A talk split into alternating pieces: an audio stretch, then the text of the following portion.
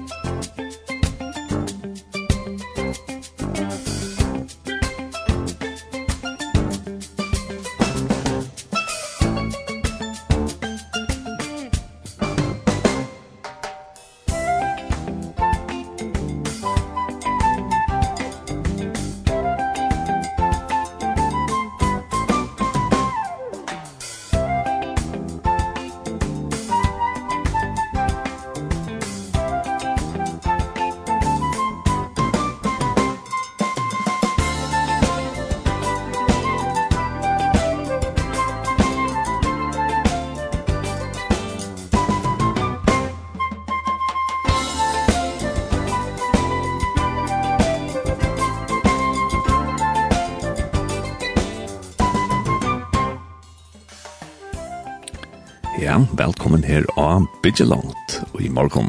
Det er det, Johannes Myskar, som sitter her i studiet i morgen. Og i det er vi at uh, her var prat vi Jens Brun Kofot. Han er professor i utgangsmentet av DPI, og vi får ta oss om uh, skapene søvnene og om uh, heter vi at det stender vi til skapt og i godsmynd hva det er. Ja. Og vi får også høre en antakt fra Solve Rasmussen. Og så får vi også at um, spillene kan gå til tåløk. Og ja, jeg pleier ofte å velge en førskan tåløkere som blir akkurat som et tema i Jøkken sendingene. Og her i morgen så har vi valgt tåløk vi har en orkester som heter Marsten and the Revelators. Og til Marsten Mår og Grund som synker sannsjonar og hever skriva sannsjonar her. Så ja, vi vil med til å kanskje sitte vel til rette, så til å over der en kaffekopp i håndene, eller at å finne der en, en Jack Hamon, eller eller hvis du køyrer, at ja, at du bare njoter den her i morgenen, og ja, og du er svimmer her, og han bildslangt, og det er det fantastiske at Da vi til kristen og hava hele antan, ja, men så kunne vi komme og ha bildt langt vi kunne annan og komme og kjenne kunne annan. Så velkommen her og ha bildt langt og i morgen.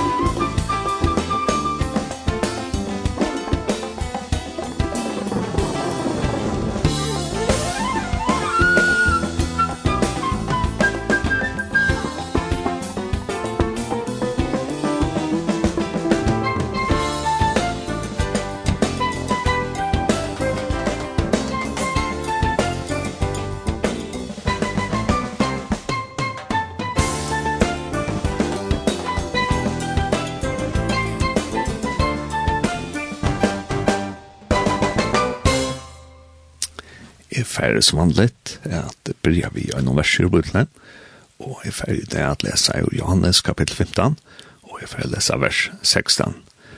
Og her stender, ikke tid har vi utvalgt med oss i Jesus, men jeg har vi utvalgt tikkene. Og jeg har sagt tikkene til tess at tid skulle færre og bedre avvokst, og at avvøkst tikkene skal være vi til tess at feiren skal djeva tikkon kvært tid så bia han om og i møyden havne. Så ja, det er verset tar vi så bare det er utrolige sambandet som er i midtelen okkon og god, og ja, det er jo bare at det er ikke jeg som vit og så oppfinner vi god og snakker om god, men at god var er en vit og god hever skapa okkon, og god hever utvalgt okkon, og jeg tror at det er dette sambandet mellom god og okkon, ja, men så kunne vi reflektera Guds rydtje her jeg gjør, selv om det er synd og eh, nekvnei og så videre. Ja, og som sagt så fer jeg at spela lø, og i morgen vi eh, Marston and the Revelators, og det er første leie som vi fer at høyre, og i morgen er honom til å ytter Apple Song. Så, gjør så vel. One, two, three, four.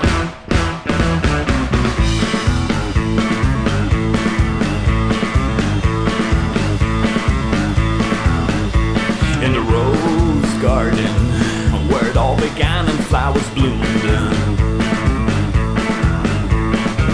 Oh, back in Eden You were my bride and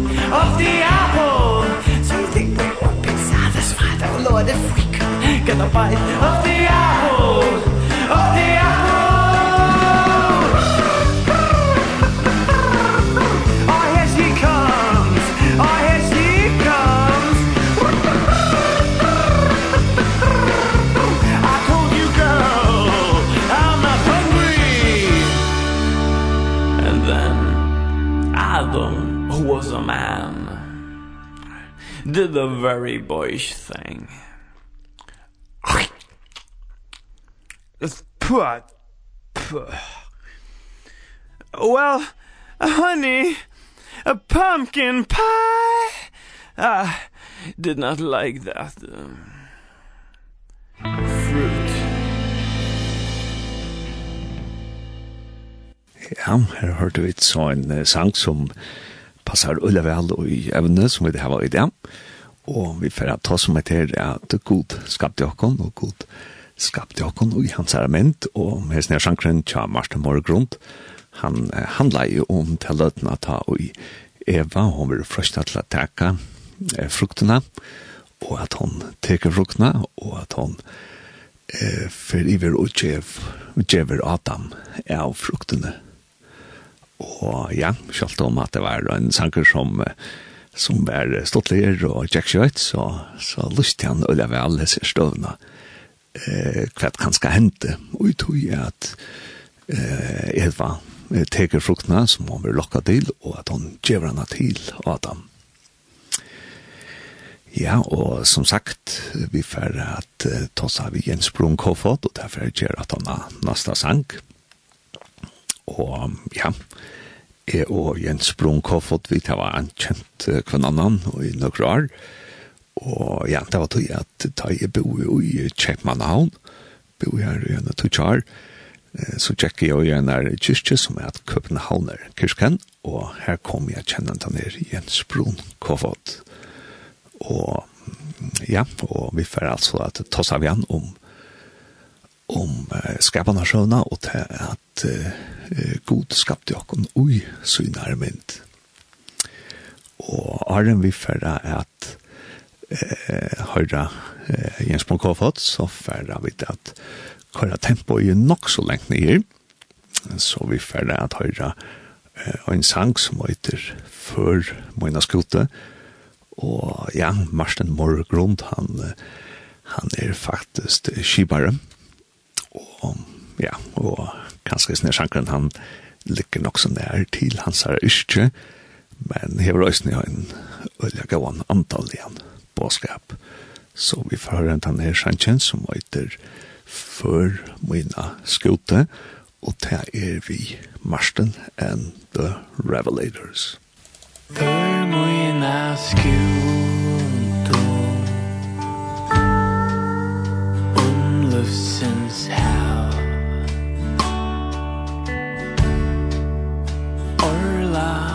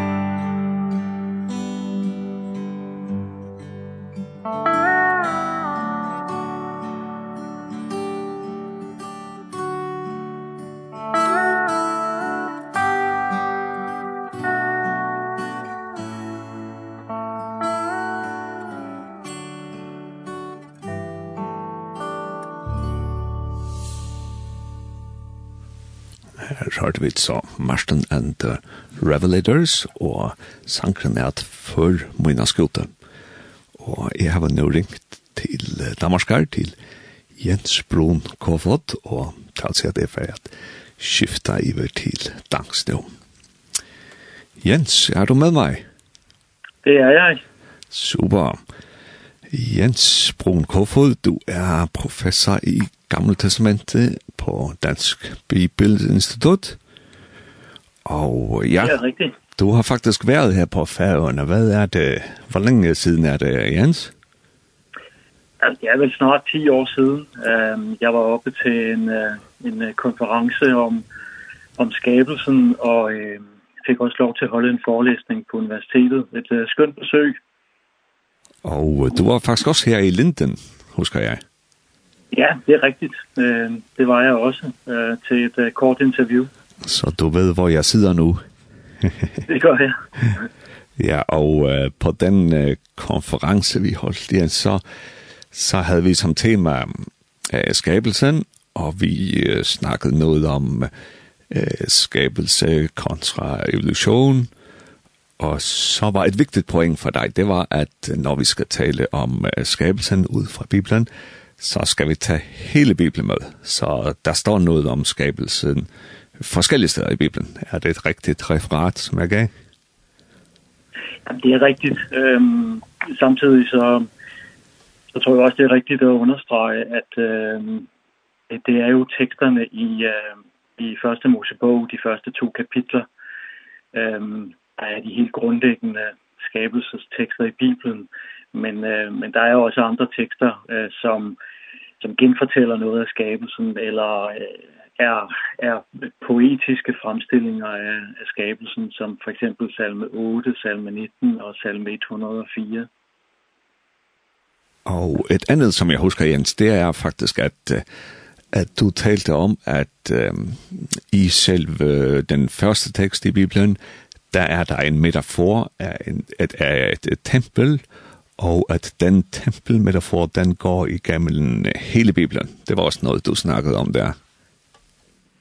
Jamen, det er rigtigt. Um, der er jo rigtig mange fortolkere, der har lagt mærke til gennem tiderne, at, uh, at Gud på mange måder bliver beskrevet som en, en håndværker eller uh, arkitekt, øh, bygningskonstruktører, øh, der ligesom konstruerer øh, skaberværket, som om det var øh, et hus.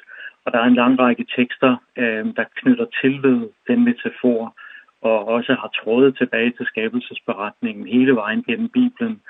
Så øh, noget af det, som, som de første læsere eller lyttere til skabelsesberetningen helt sikkert har, har tænkt over, det det var den her metafor eller den her analogi som som bruges i skabelsesberetningen om skaberværket som som Guds tempel.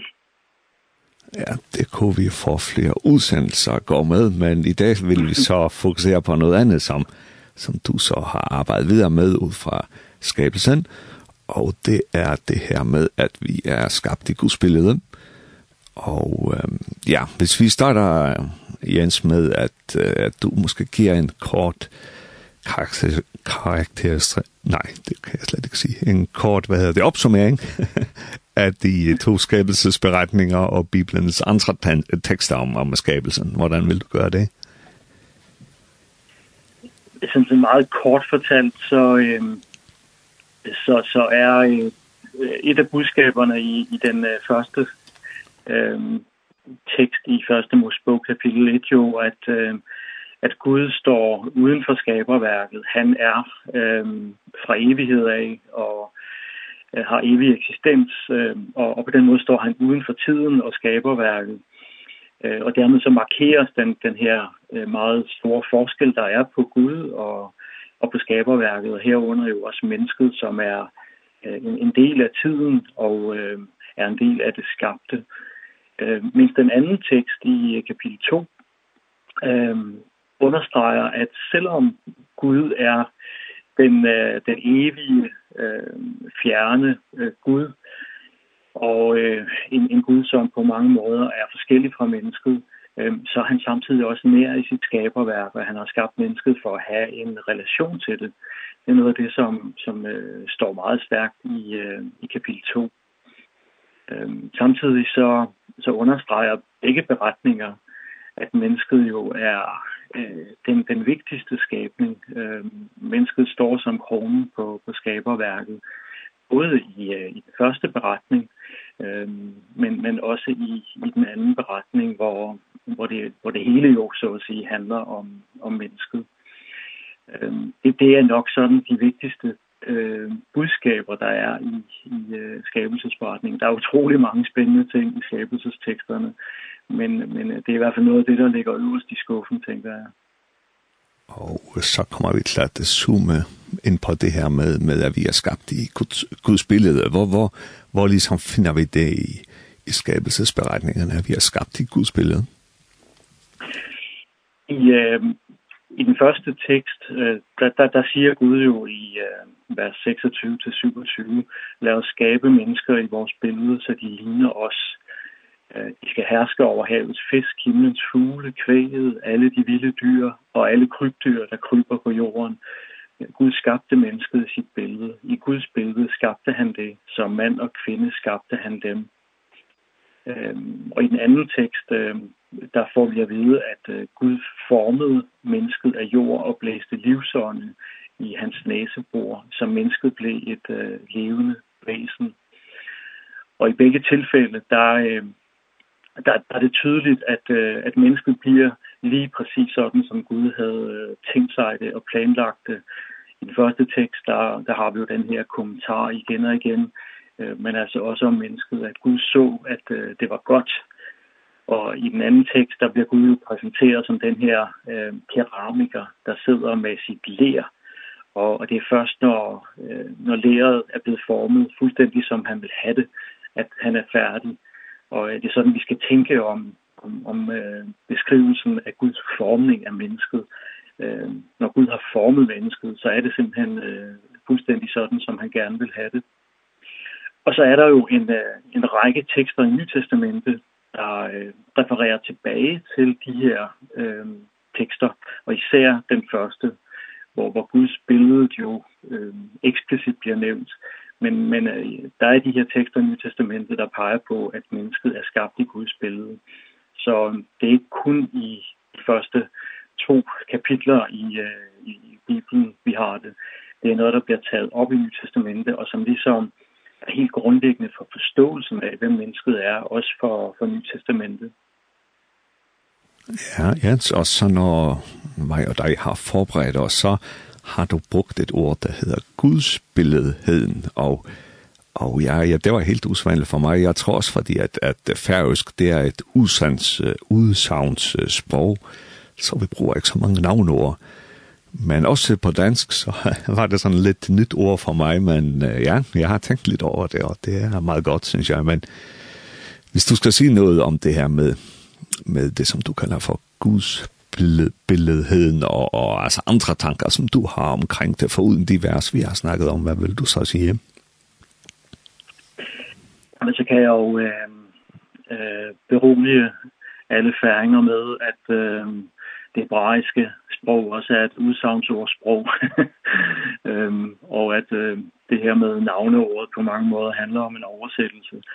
For, for det, som, øh, det, som udtrykket stammer fra, er jo den her sætning om, at øh, Gud han vil skabe mennesket i sit billede, så de ligner ham. Og der har vi jo så øh, udsagnsordene.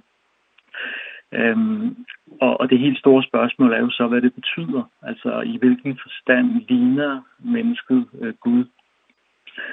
Og der, der tror jeg igen, det kan være en, en rigtig god idé at, at gøre sig den ulejlighed og spørge, hvordan har de første øh, lyttere og læsere af den her tekst forstået det? Øhm, noget af det, som alle vidste i øh, oldtidens Mellemøsten, og altså også i, i den øh, kontekst, som øh, den bibelske skabelsesberetning er skrevet ind i, det var, at øh, at kongen var en repræsentant for Gud. Øh, kongen var simpelthen Guds billede. Så øh, når kongen bevægede sig rundt i sit kongerige, så var han en refleksion øh, af øh, Gud. Han var en, en afspejling af det, som øh, hans Gud stod for. Og samtidig så øh, fik han også øh, lavet statuer af sig selv, som han placerede i de lande, han erobrede for at minde øh, de besejrede folk om, at det var ham, der var konge der, og det nu var hans autoritet og hans værdier, øh, der, der øh, galt der. Og jeg tror, at øh, når ordet Guds billede øh, og øh, en skabelse af noget, der ligner Gud, øh, bliver nævnt i skabelsesberetningen, så har de første læsere og lyttere umiddelbart tænkt øh, på, at øh, lige præcis det, der er tale om, Men øh, det har været meget, meget øh, revolutionerende for dem, fordi i skabelsespartning er det jo ikke kongen, der bliver skabt som Guds billede. Det er mennesket, altså et hvert menneske. Og vi har den her øh, overraskende demokratisering af øh, kongeværdigheden, som man kunne sige det, hvor, øh, hvor et hvert menneske faktisk bliver placeret i skaberværket som, som repræsentanter for Gud øh, og får til opgave at afspejle, hvem Gud han er. Øhm, og det, det er noget af det, jeg synes er utrolig spændende øh, i, øh, i det her med, med gudsbilledligheden. Ehm så har der jo været den her århundrede lange diskussion om, om mennesket ligner Gud Ehm i forhold til den måde, det fungerer på, øh, i forhold til den måde, det har relationer på, eller om, om, om ligheden består i en eller anden form af, af egenskab eller kapacitet. Og, øh, og der tror jeg bare, det er vigtigt lige at vende tilbage til det her med, øh, med øh, at skulle repræsentere kongen. For, øh, for det handler om at afspejle, hvem Gud er. Og det kan ikke øh, grænses til enten at være noget funktionelt eller relationelt eller øh, noget, øh, der handler om, øh, hvordan man er, altså en egenskab eller en kapacitet det er det er lige så omfattende som som det er når når vi ellers har rollemodeller i i menneskelivet. Det handler om på på alle mulige måder og på alle planer og ehm efterligne den rollemodel. Ehm så det er noget af det jeg synes var utrolig spændende i at dykke ned i det her med med gudsbilledigheden, at det i virkeligheden handler om og øh, og lære øh, den Gud der har skabt os at kende så øh, vi bliver i stand til at afspejle, hvem han er. Og, og, og det, Jens, jeg tænker, det er et meget positivt menneskesyn, ikke? At, at vi er i en relation, hvor vi kan spejle Gud. Jeg tænker lidt på, at jeg har læst og diskuteret noget med Heidegger og, og Nietzsche og sådan noget, ikke? Og der er menneskesynet, det er lidt, det er lidt dystert, ikke? At, at menneskerne er faktisk i bund og grund øh, neutrale og måske onde lige frem. Men, men det er så ret positivt her i, i Bibelen, ikke? Ja, altså det kommer vi måske tilbage til i samtalen, fordi Bibelen er jo også meget realistisk omkring menneskets ondskab. Men, men øh, ikke desto mindre, så starter Bibelen et andet sted. Øh, et meget positivt sted. Altså øh, noget af det, der kendetegner den bibelske skabelsesberetning i modsætning til øh, de skabelsesberetninger, vi for eksempel finder fra samtidens øh, Babylonien, det er, at, øh, at mennesket er, er simpelthen positivt vildt af Gud. Øh, Gud var ikke tvunget af ydre omstændigheder til at skabe mennesket. Han gjorde det, øh, fordi han i sit væsen øh, fandt en positiv grund til at gøre det. Altså i, i Babylon for eksempel, der understreger skabelsesberetningerne, at guderne skabte mennesket, fordi øh, guderne var trætte af deres arbejde. Øhm, og mennesket blev derfor sat til at, at bære den her byrde for guderne. Øhm, en, en, en i bund og grund meget negativ baggrund for skabelsen af mennesket. Men sådan er det bare ikke i, i, i den bibelske skabelsesforståelse. Her, her er der udelukkende en positiv øh, begrundelse for, at Gud skaber mennesket. Og hvis vi skal snakke lidt videre, Jens, om, om det her med Guds billedhed, det at vi ligner Gud, øh, ligesom andre steder i den kristne skabelse, og, ja, og bare din viden om, om menneskesynet, hvad vil du så sige til det? Øhm, så, øhm, det, jamen, der, der er jo mange facetter i det, som jeg sagde før, og så, så handler det jo... Øh, meget bredt forstået om at afspejle, hvem Gud er. Og øh, vi er jo nødt til at læse videre i Bibelen øh, for netop at øh, blive, blive, øh, få en bedre forståelse for, hvem Gud er, for dermed også at, at kunne afspejle ham. Men, men altså helt grundlæggende er den her tanke om, at livet er en gave, øh, før det bliver en opgave. Øh, mennesket er positivt villet af Gud. Når det er sagt, så, øh, så får vi jo også øh, lidt mere at vide om, øh, hvad det vil sige at afspejle Gud og reflektere ham, hvad det er for en, øh, en verden Gud han placerer mennesket i. Øh, en af de, øh, de meget eksplicite ting i, i begge teksterne i kapitel 1 og 2 i første Mosebog, det er jo, at mennesket er skabt som mand og kvinde. Og øh, det har jo i øh, gennem århundreder og måske altid været en øh, provokation og noget kontroversielt, at, øh, at mennesket skulle være skabt med, med to køn, og at udgangspunktet for, for alt snak om kønsidentitet må være en, en respekt for det biologiske køn. Øhm, det er det jo i den grad i dag, hvor, øh, øh, hvor, hvor den politiske korrekthed har, har mere end svært ved at acceptere øh, en sådan tankegang. Men øh, sådan var det faktisk også øh, i oldtidens Mellemøsten, hvor, øh, hvor det ikke var en givet sag, at øh, det biologiske køn skulle respekteres.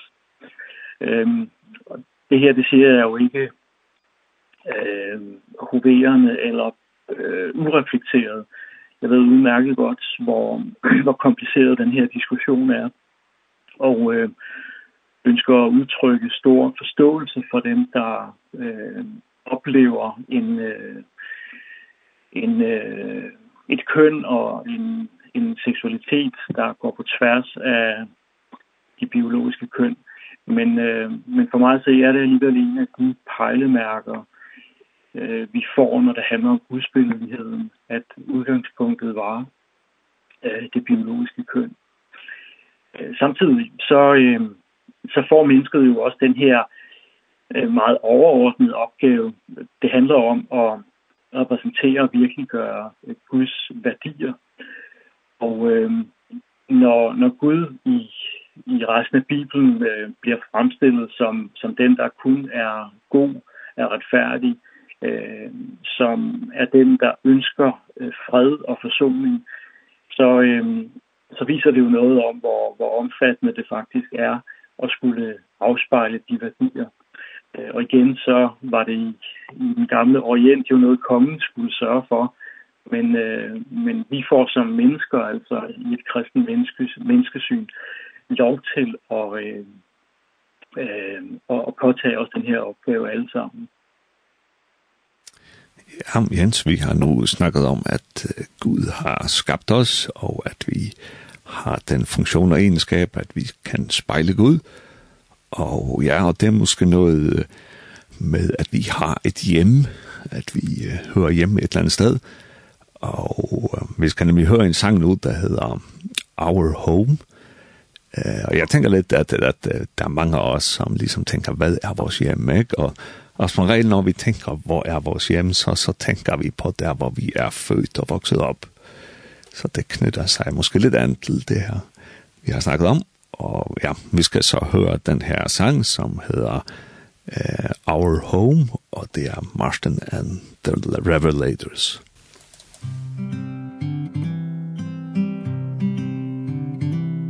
I'll build you a house out of bricks, out of stone.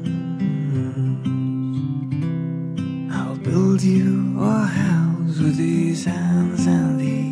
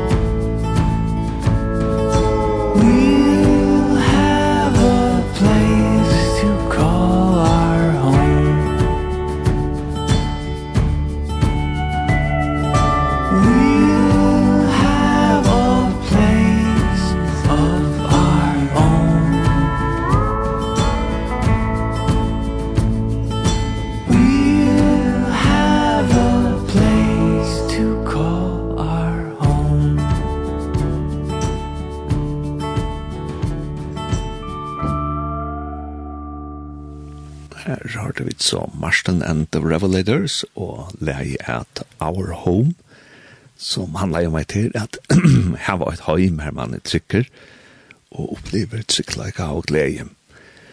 Og jeg har uh, Jens Brunkofod i telefonen, og vi til tåsa om uh, skapene, og vi tåsa særlig om her til at vi er uh, skapt gode lyk, og hva det er mest for dere.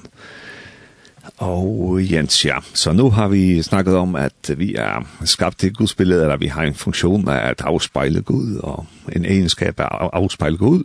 Og som i et hvert hjem, Jens, så er der ikke kun lutter og idyl.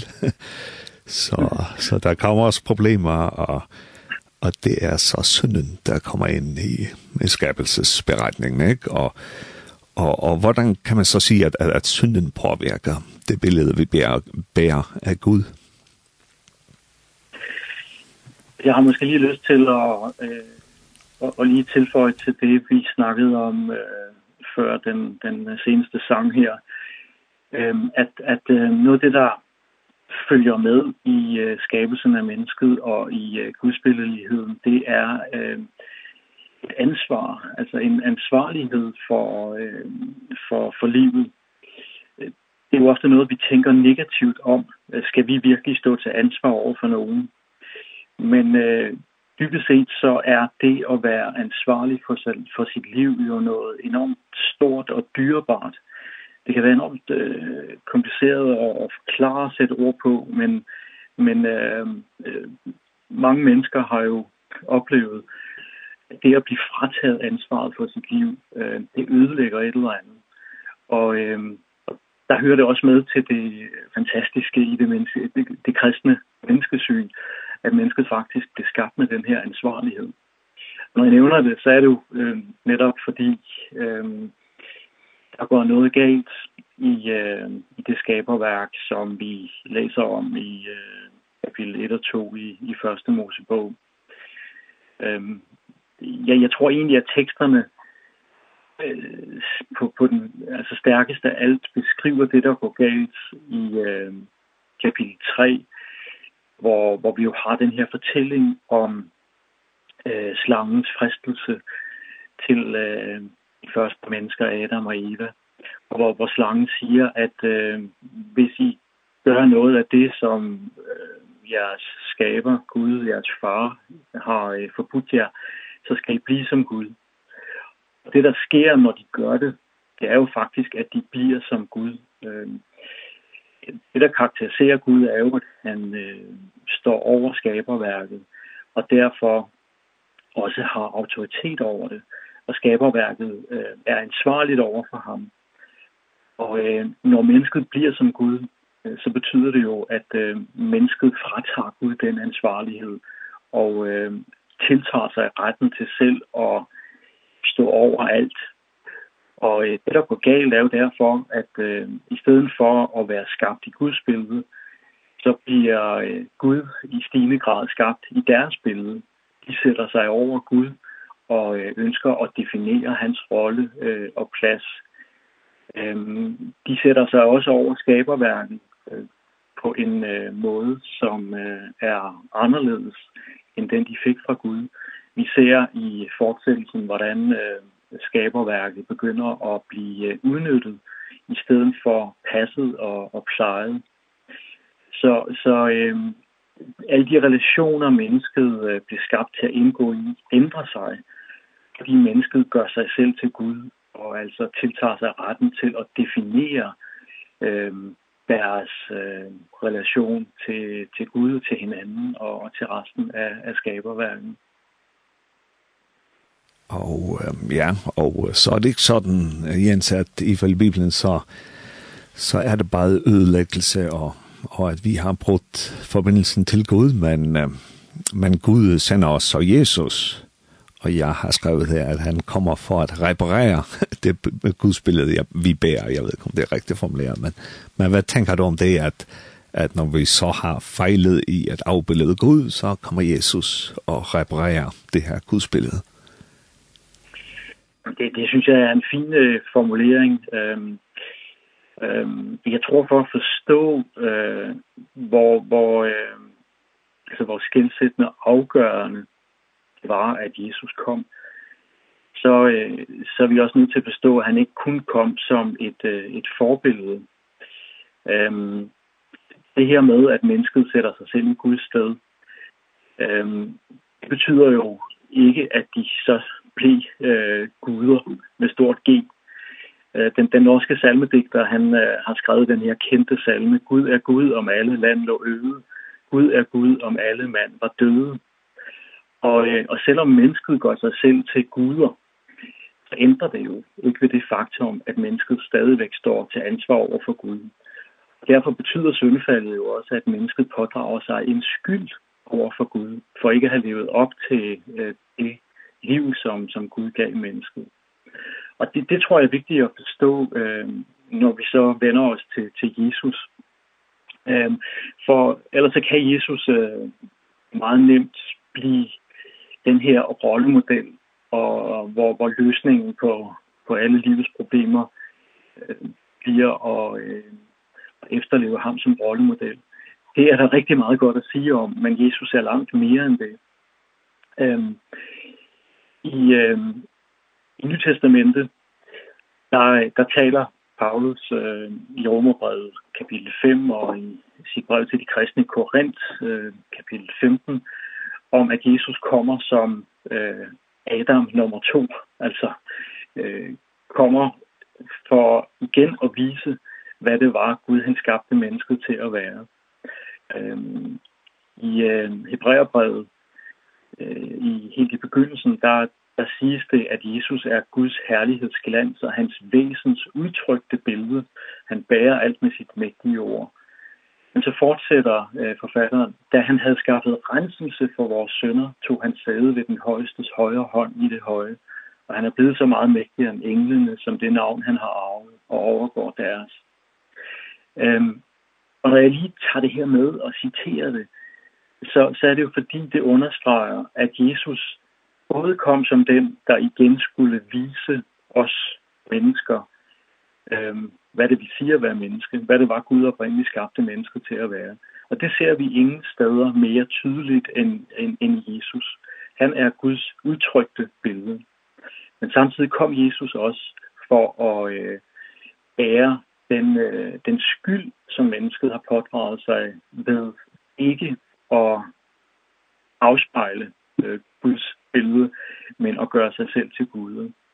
Og når, når vi skal se på, hvordan Jesus reparerer Guds billede, øh, så handler det altså øh, både om, at han faktisk bærer den skyld, øh, betaler den skyld, som mennesker har pådraget sig i syndefaldet, øh, men at han så også er Guds udtrykte billede, så, så vi øh, kan se øh, i Jesus igen, øh, hvad det vil sige at være menneske. Ja, og nu har vi så, undskyld, nu har vi så været igennem, at, at Gud har skabt alt, og Gud har så skabt os mennesker til at have en funktion og egenskab af at kunne reflektere Gud, og med det så følgede et ansvar, som mennesker så svigtede, og synden kom ind, og vi ja, gjorde ikke det, som var meningen med os, og så det her med, at Jesus kommer og og altså renser øh, den skyld og synd, som er kommet ind i vores egenskab og funktion at afbilde Gud. Øh, hvis vi så liksom tager det til, hvor vi står nu, ikke? At, at vi har skabelsen og syndefaldet, og så at Jesus er kommet. Hvordan kan vi så nu reflektere Gud igennem Jesus? Der, der tror jeg, at det... Øh, jeg får sige det på en anden måde. Der har jeg oplevet det meget stærkt selv, at på samme måde som de første mennesker fik livet som en gave, og, og deres øh, liv som gudsbilleder var et liv i taknemmelighed over livets gave. Altså de, de, de må have hentet deres øh, kræfter, overskud og lyst og energi til at leve som gudsbilleder i det fantastiske, at, øh, at Gud havde villet dem positivt og havde skabt dem. Øh, der er det jo på samme måde sådan, at øh, vi, der lever i, øh, i syndens verden, øh, vi faktisk også må starte der, hvor vi får livet. Øh, for på samme måde, som de første mennesker fik livet som gave, sådan øh, øh, giver Gud jo også os gennem Jesus og øh, syndernes forladelse, øh, ikke bare livet, men det evige liv. Øh, og, og det er glæden og taknemmeligheden over det, der ligesom skal være drivkraften øh, i, i det at reflektere Jesus. Men altså, som sagt, så, så er der jo ingen andre steder, vi tydeligere ser, hvad det vil, være, hvad det vil sige at være, være skabt i, i Guds billede. Og derfor så handler det jo for os om at, at lære Jesus at kende og, og, og efterligne ham. Ehm Nye Testamentet taler jo om det på, på to måder. Øh, det handler dels om at øh, lade være med noget, aflægge noget, øh, lægge noget bag sig, som som øh, som ikke kan forenes med øh, med den Jesus er og at vi siger afspejle ham. Det er jo derfor vi også begynder vores trosbekendelse med vi forsager djævlen og og alle hans gerninger. Der er noget der skal der skal aflægges. Øh, og øh, den anden og positive side af det, det er jo så det her med når vi har aflagt det der ikke passer sig, når vi gerne vil afspejle Jesus. Ehm øh, så øh, må vi spejle os selv i Jesus. Øh, det er det, som Paulus siger på en, en stærk måde i, øh, i et af sine breve til de kristne i Korinth. Alle vi, som med utilsløret ansigt et spejl, skuer Herrens herlighed, forvandles efter det billede, vi skuer fra herlighed til herlighed, sådan som det sker ved den herre, som ånden er.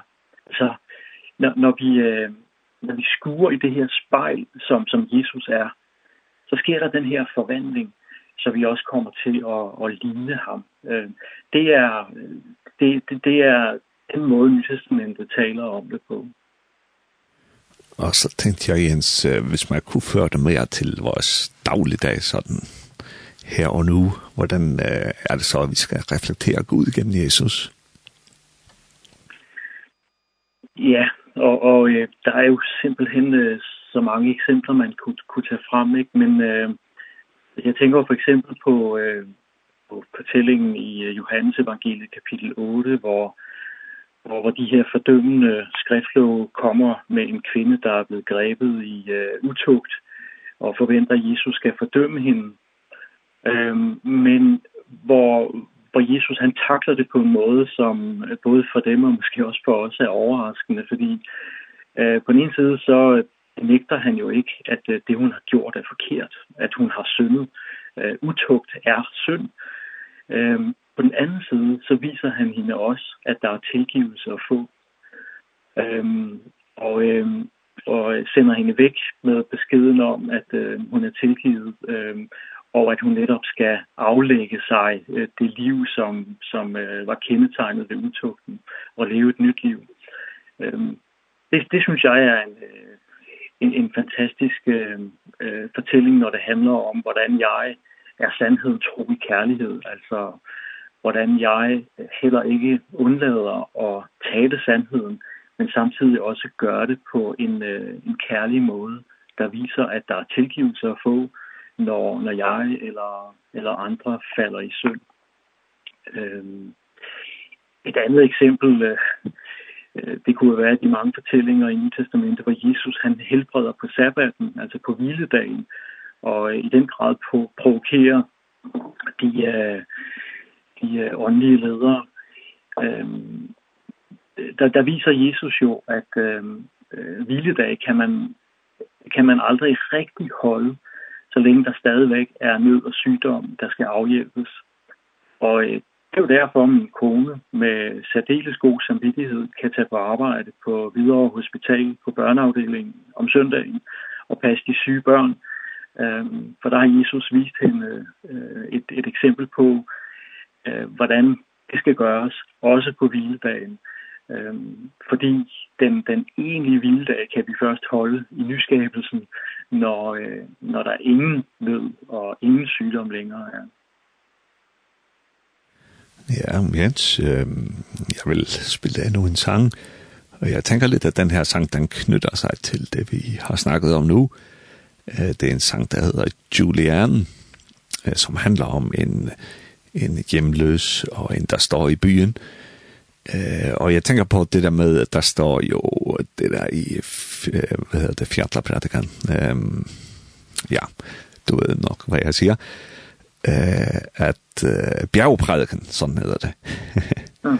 eh at at særlig er de fattige og de hjælpesløse og alt det her, ikke at at uh, måske der hvor Guds rig er er ikke i et sådan et uh, perfekt uh, som du siger fariseisk uh, altså image udadtil, men men det er ofte der hvor hvor der er brudhed og og øh, fortvivlelse, at, at, at, at, at der er noget af Gud, der pludselig kan åbenbære sig. Og ja, så vi skal høre den her sang, øh, som handler om, at, øh, ja, at han møder den her kvinde, som står øh, ude på gaden. Og ja, og den skal vi så høre nu.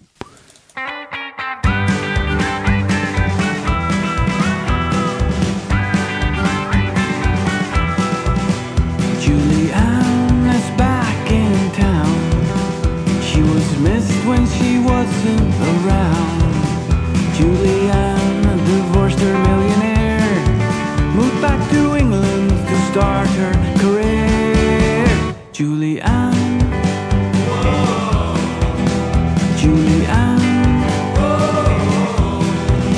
I don't know why you act so tough. You're attractive when you're soft. Julianne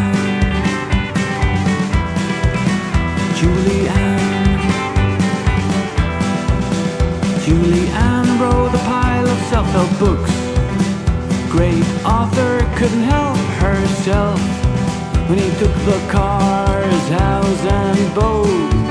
Left her with nothing but her purple coat. Julianne. Julianne. I don't know why you act so tough. You're attractive when you're soft. Julianne. to the end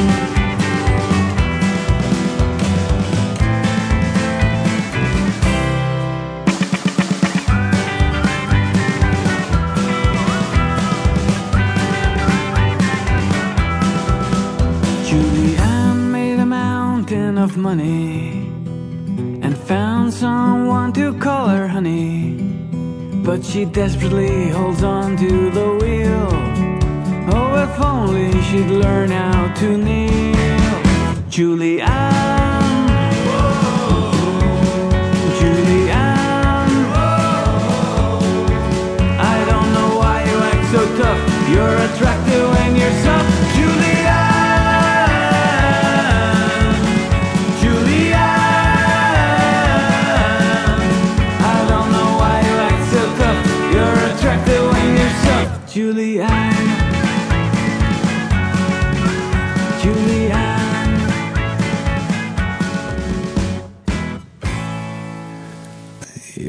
hørte vi så Marston and the Revelators og sangren at Julian. Og her og i Abils langt i morgen har vi en samråd ved Jens Brun Kofod som er professor i Dansk Bibelinstitutt.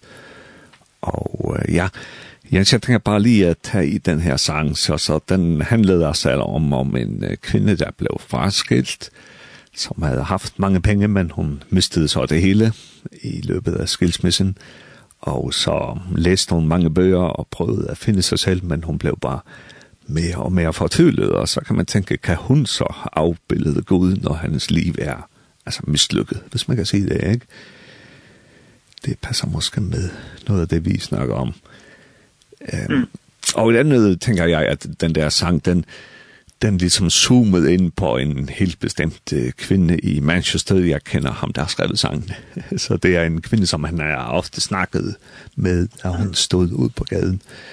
Og jeg tænker, det her med, at når vi er sat til at reflektere Gud, ikke? Og, og at vi skal studere Jesus, har du sagt, øh, hvordan han afbilleder Gud, men, men er det så sådan, at vi bare skal bli liksom Jesus, og så skal vi liksom slippe vores egen individualitet. Altså allerførst, så jeg synes, det er så vigtigt, det du siger, øhm, om øh, det brugte liv, øh, og som, som sangen jo også afspejlede. Og, og øh, der, der oplever jeg jo selv, hvor stærkt det er, at... Øh, at Bibelen er enormt realistisk og virkelighedstro i den beskrivelse af, hvordan livet i verden er men øh, men derfor så kommer det også tog til at stå som har desto stærkere at øh, at at Gud også i den verden øh, kommer og ønsker at give os livet igen. Ehm det her med øh, individualitet ehm jeg tænker jo at øh, der allerede i fortællingen i øh, første Mosebog kapitel 2 er et fingerpeg om at at Gud han henvender sig til individet og og ikke til til mennesket som sådan en et stort kollektiv eller en grå masse. Og at øh, at øh, selvom der er noget overordnet Gud han gerne vil, så øh, så sker der altid i den personlige relation øh, i forhold til det enkelte menneske. Øh, den øh, den tyske teolog Dietrich Bonhoeffer der jo faktisk mistede livet, øh, fordi han blandt andet kritiserede nazisternes menneskesyn. Han skriver et sted, at øh, relationen i Gud viser os karakteren af de menneskelige relationer. Og det som Bonhoeffer han tænker på, det er, at øh, når vi taler om den treenige Gud, øh, den Gud, der kommer til udtryk i Bibelen, både som Gud Fader, Gud Søn og Gud Helligånd, er det jo sådan, at øh, vi tænker om Gud som en Gud. Samtidig så, så er der de her tre personer i, i Guds væsen, hvor faderen ikke er sønnen, øh, sønnen ikke er ånden, øh, ånden ikke er faderen. De er alle noget øh, forskelligt, men til sammen er de Gud. Og øh, det, det bruger han så til at sige i forhold til de menneskelige relationer. Øh, både relationen til Gud, men også menneskets øh, relationer til hinanden, at jeg er aldrig den anden. Jeg er altid øh, mig selv. Og derfor så skal jeg øh, forholde mig til, øh, hvem jeg er som menneske, ved at fokusere på, øh, hvem jeg er, øh, som den jeg er. Det har jeg selv fundet en, en, øh, en meget stor dybde og, og glæde i.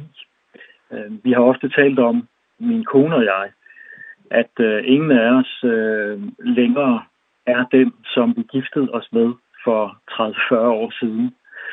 Vi, uh, vi er et andet sted i dag, vi har udviklet os. Og, og noget af det, der kan gå galt, um, og det har vi jo også gjort i vores ægteskab på, på, på et lidt mindre niveau, det er jo, når jeg gerne vil bestemme, hvem den anden skal være. Når jeg har en idé om, hvem min kone skal være, og hvilken retning hendes liv skal bevæge sig i, øh, der overskrider jeg nogle grænser.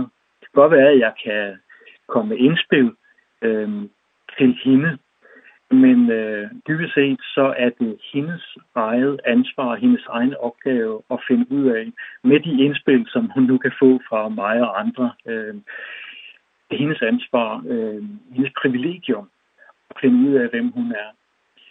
Og, øh, og det synes jeg har, har givet en dybde i min forståelse af, hvad det vil sige at skulle afspejle øh, Guds billede, øh, vise i mit liv, hvem, hvem Jesus er.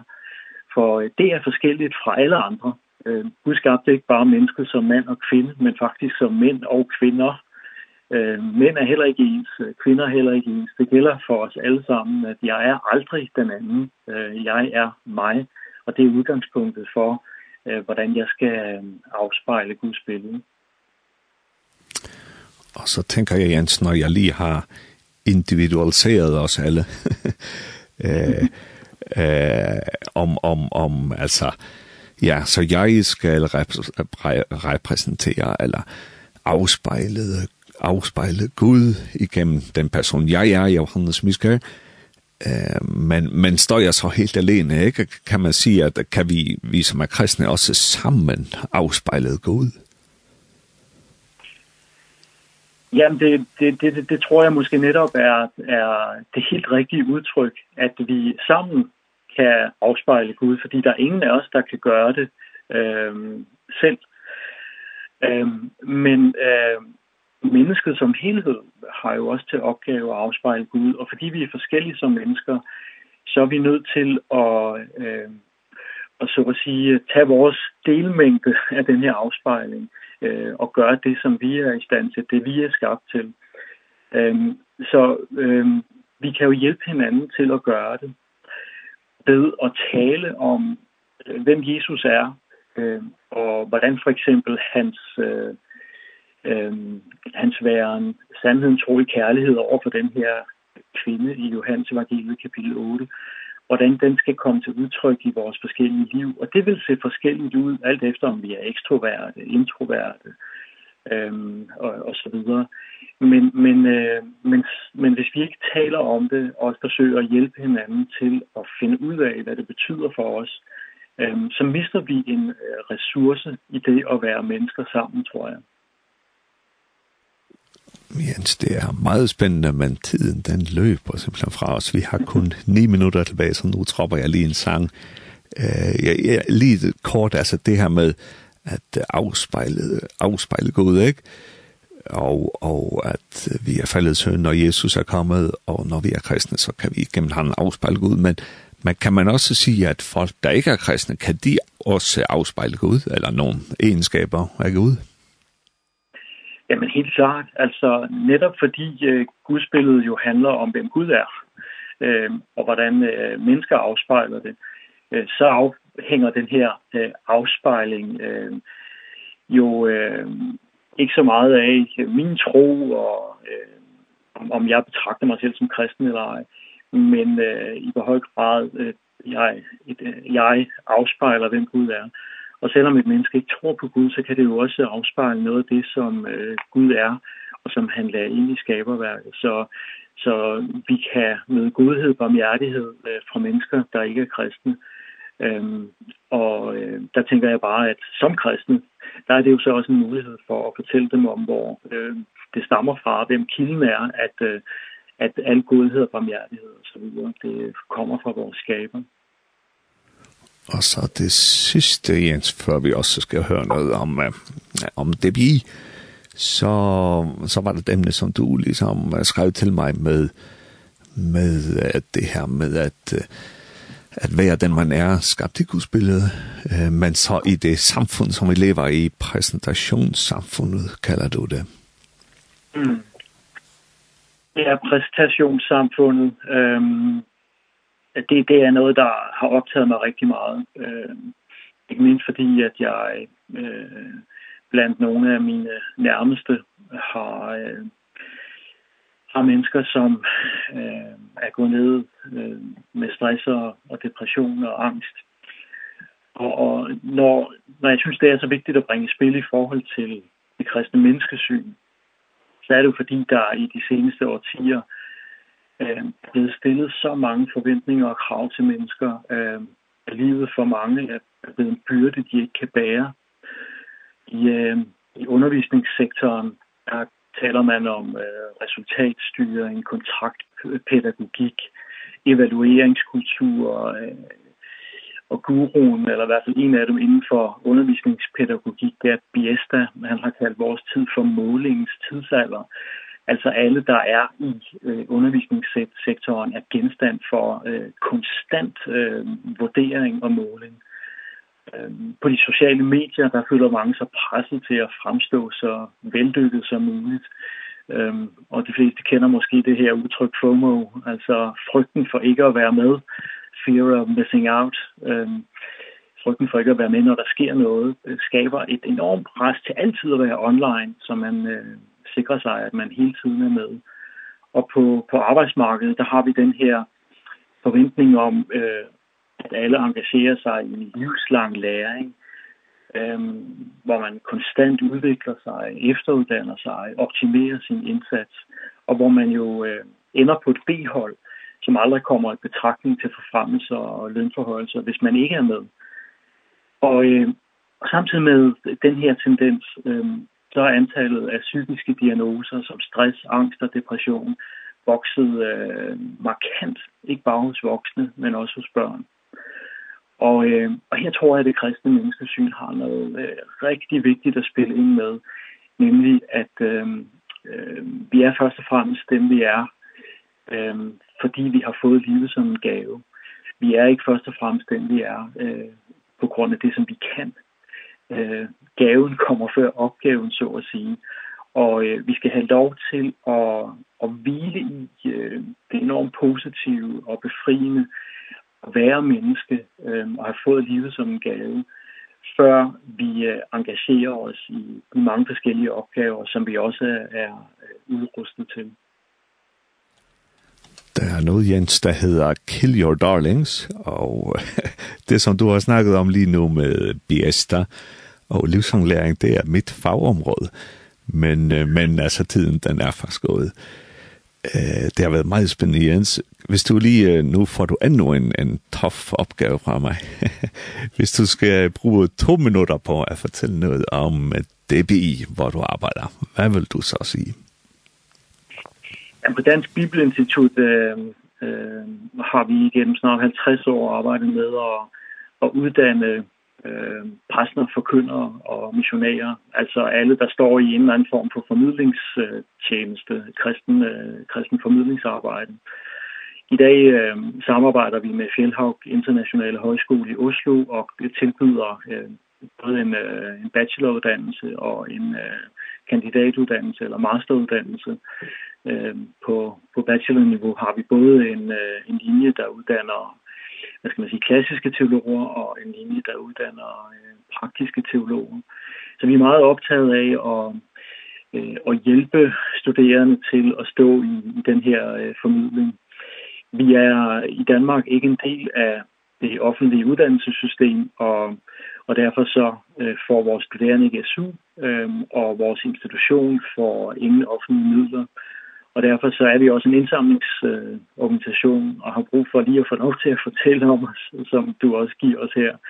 Vi har, øh, vi har behov for både øh, økonomisk hjælp og, og forbøn i det arbejde, vi står i. Ja, så vil jeg bare sige dig tusind tak for øh, den her samtale. Den har været meget lærende for mig. Og ja, som om mig og dig til den her samtale med BS'er og livslanglæring og præstationssamfundet senere. øh, ja, så, så tusind, tusind tak, Jens. Tak fordi jeg måtte være med. Og ja, og vi færre nu at høre eh, en annan sang tja Marston and the Revelators, og med sned sjankren han høyter Minn med A.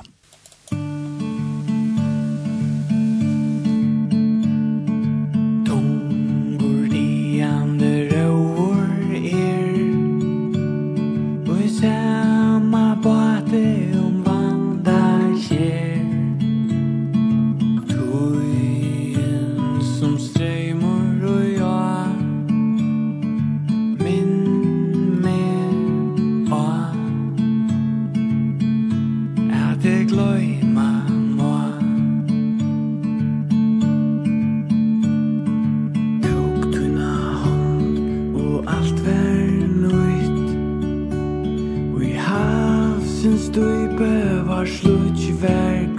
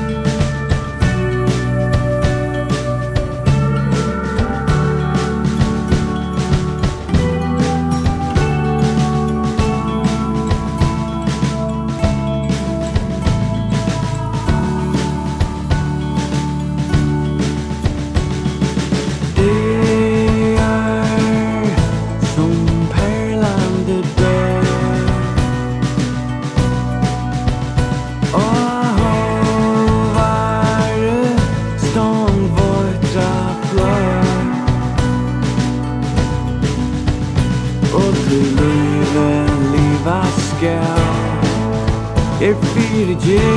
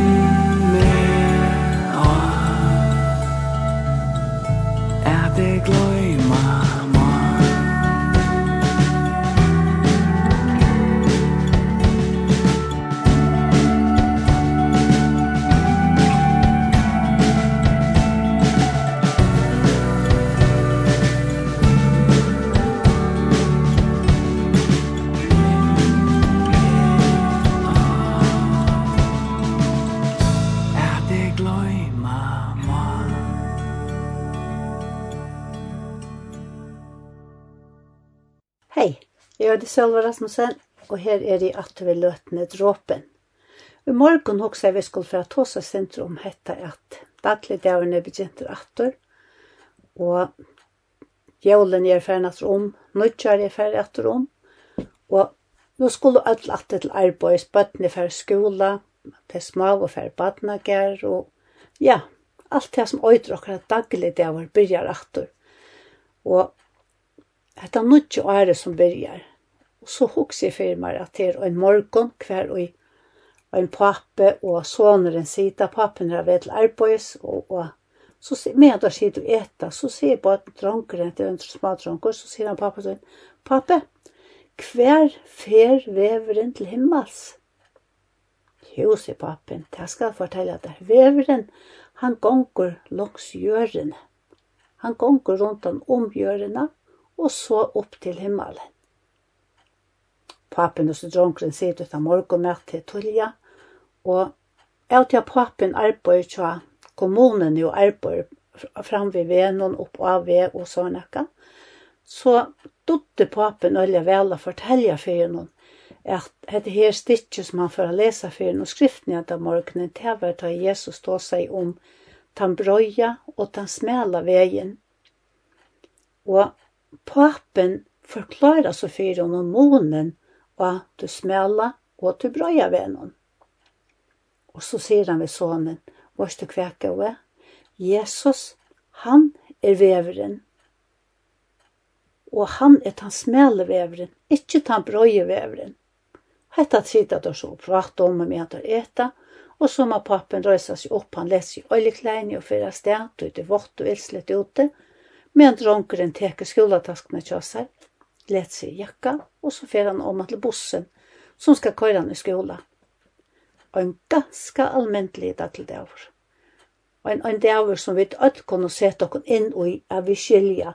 Man får opp på morgenen, man etter morgenmat, så sitter man og pratar om oss. Og det som så hesen papen gjør, til at han leser ur Guds året fire drøntjene, og en han for skola. Og vi kunne godt si at det var en øyelig gode måte papen dødde å fortelle for sonen om hvem vi veveren gikk til himmels. Og det er noe ene for såleis at veveren til himmels, han byrjar av Golgata. Ta i vid suttja og skilja til som hender av Golgata, at god og himle elska te og me så negv at vi kunne ikke gjøre, vi kunne ikke sige, vi kunne ikke utinna neka som helst, at han elskar okkon hverstje møyr etla minne. Han elskar okkon. Så kanskje du si, ja, men jeg have, jeg vet, sier god, jeg vet det vel. Jeg har fyrtjørt her da. Ja, men jeg i fjør, så jeg veit, Jeg har øsne dekka til av i munnen blåa. Ja, men Jesus, hvert nu vis? Jeg elsker det, og ansa. Jeg elsker det akkurat som du erst. Og så løye Jesus okkom fram etter veien. Og vi kunne kalla det til at vi ta og vi set okkar alit av Jesu verska Golgata fyrir okkom, så koma vi inn i et nytt og avkjent land, Det vil si at vi færer fra å være ofrelst til å bli frelst hver Jesus skal løye oss å genga. Og til så øyelig øye hvordan løyve tjokken former seg som tryggvande. Til å i nekva ratningar at løyve kan færa. Men alt er og hvordan så er 100% sikkert. Og til er det at Jesus sier, jeg skal løye det. Jeg skal fylltjast vittar. Og ta er godt å vite at oansett hver man fer til arbeid, som man arbeider av, vi er vesen noen man gong er lærere, eller hva du man så er, ja, så er Herre vi jokken, og han skal hjelpe okken og løye okken. Paulus, han tjekker ikke noen nekk for sina trygg var sin herre og frelsere. Men, Jesus, men Paulus sier også til at Herren stod under limoinare og løyte meg fram allan vegin. Okkar himmaste færi prøys jo tætst stær fyrir ditt lyfte. Takkar fyrir at du lovar du skal loja okkur, du skal halde i hånd, og du skal lysa av vegin som vi skulle genga. Jeg prøys jo tætst stær, takk fyrir det nødje og ære vi da finnje, at du skal signa det til okkur. Herre, så letja vi alt i tøyne hendur. Æra vært ut du døyra bæra navn. Vi takka og bia og Jesu navn. Amen.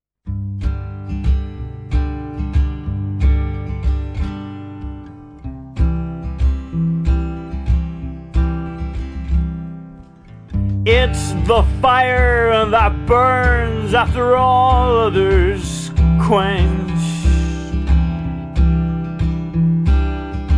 And it's the light that shines when all others go dim. And it keeps me on my feet when my enemy sinks my fleet. It keeps me on the high when my airplanes fall from the sky. And sweet Jesus, you're the one who prevails when all other attempts fail. Sweet Jesus, you're the one who prevails when all Other attempts they fail.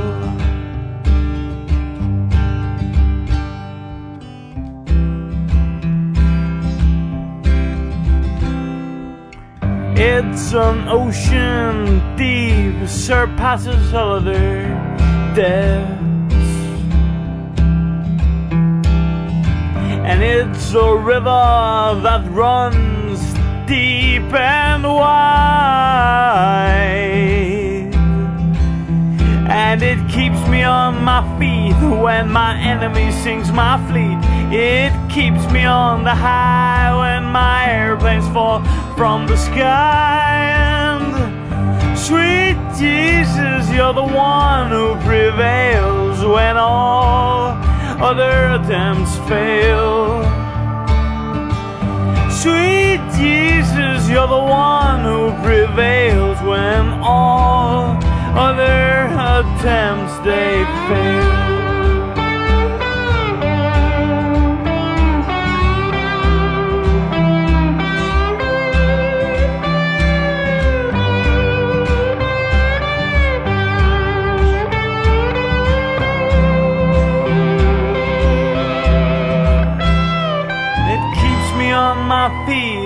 My enemy sinks my fleet. It keeps me on the high When my airplanes fall from the sky. And sweet Jesus, you're the one who prevails When all other attempts fail. Sweet Jesus, you're the one who prevails When all other attempts attempts they fail when all other attempts they fail Her hørte vi som Marston and the Revelators og sangren at Sweet Jesus. Og fyrir sendingene så ta seg vi Jens Brun Kofot som er professor i gammalsmente av Dansk Bibelinstitutt. Og han tar seg om etter at at det er at avmynda god, det er bare at vera tan man er og vera eh, det gaua som god har lagt og jokon, og det kan vi så i jokon Jesus. Og, og at okra samfunnet i det kanskje høska seg ikke så vel til det her at vi skulle bare ja, vera det som vi der og ombå kærleika og god. Eh, tog at okra samfunnet til det er et presentasjonssamfunn, kallar jeg det, så vi skulle presentera alle tøyner. Og ofta tar vi alle tøyner skulle presentera, så hugsa vi ofta øyla nekko om hva som oppfatter de med, hva halter det om med, og kan det kanskje gjøre heitar, så de halter øyla nekko om med, og så det er for det beste arbeid som vi kan få, og så gjøre. Og tar vi begynner her med denne her, øytan om hva som ånder oppfatter oss, og vi røyner at livet opp, til ånder, så blir det ofta til storan, at vi får at stora, at vi får at stora om at vi det er ikke gøy nok, og at vi klarer oss ikke noe vel. Og just i samband vi hette evne, så får jeg spille en annan sang til Martin and the Revelators, her han eh, hever brukt etter som Jesus sier, at at vi storan kunne vi ikke slett kjenne at det er at dere livs er. Og sangren, han høyde så, who by worry.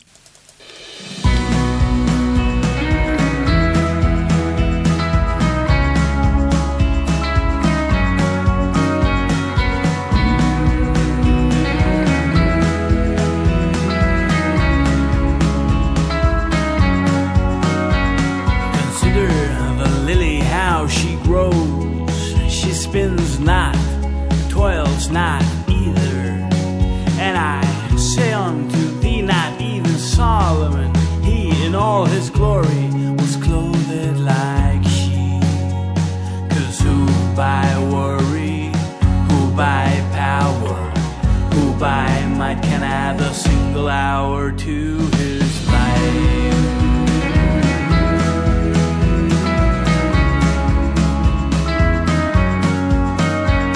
Consider the sparrow how he always has enough. He sows not reaps not either.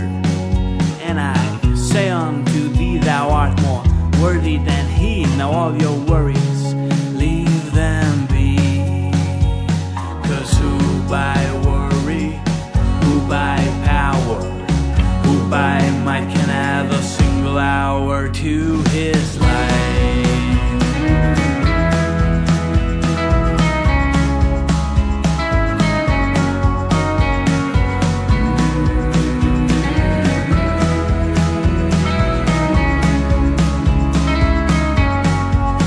Come on brothers Let's go sisters won't you love and care for each other?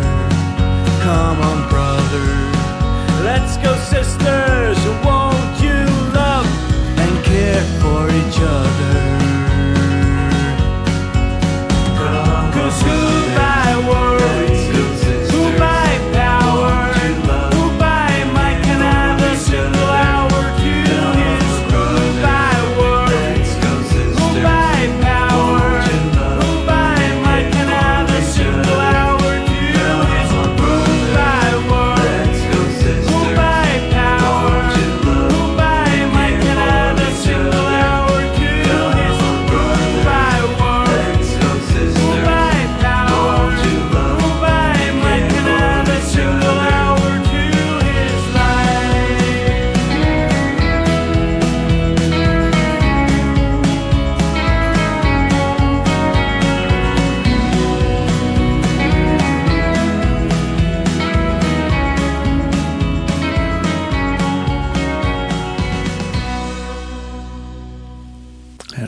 så Martin and the Revelators, og sangen at Who by Worry.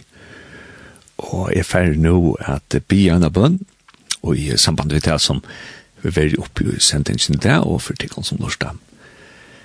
Jakob, takk deg for det at, at du skapte dette fantastiske skaperverket som vi lever i, og jeg takk deg for det at du skapte dere mennesker, mennesker som kronene skaperverket noen til, og skapte dere som menn og som kvinner, og og at to gav okken den ene enløyke og til funksjonen at vi skulle avmynda til.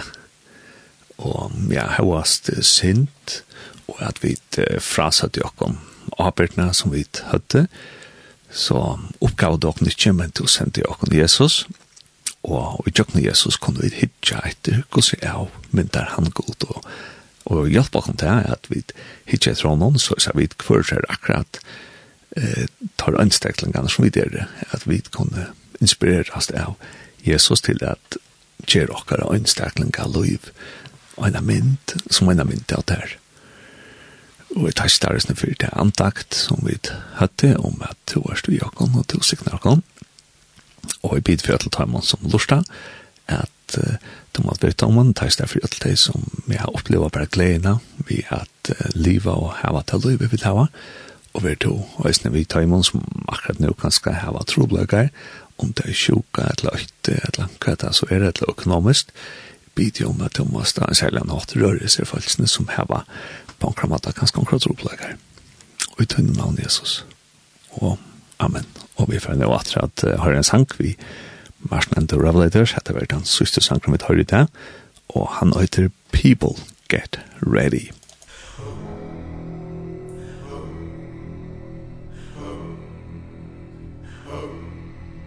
There's a train in the distance. There's a plane in the night. There's a boat sailing through the fog.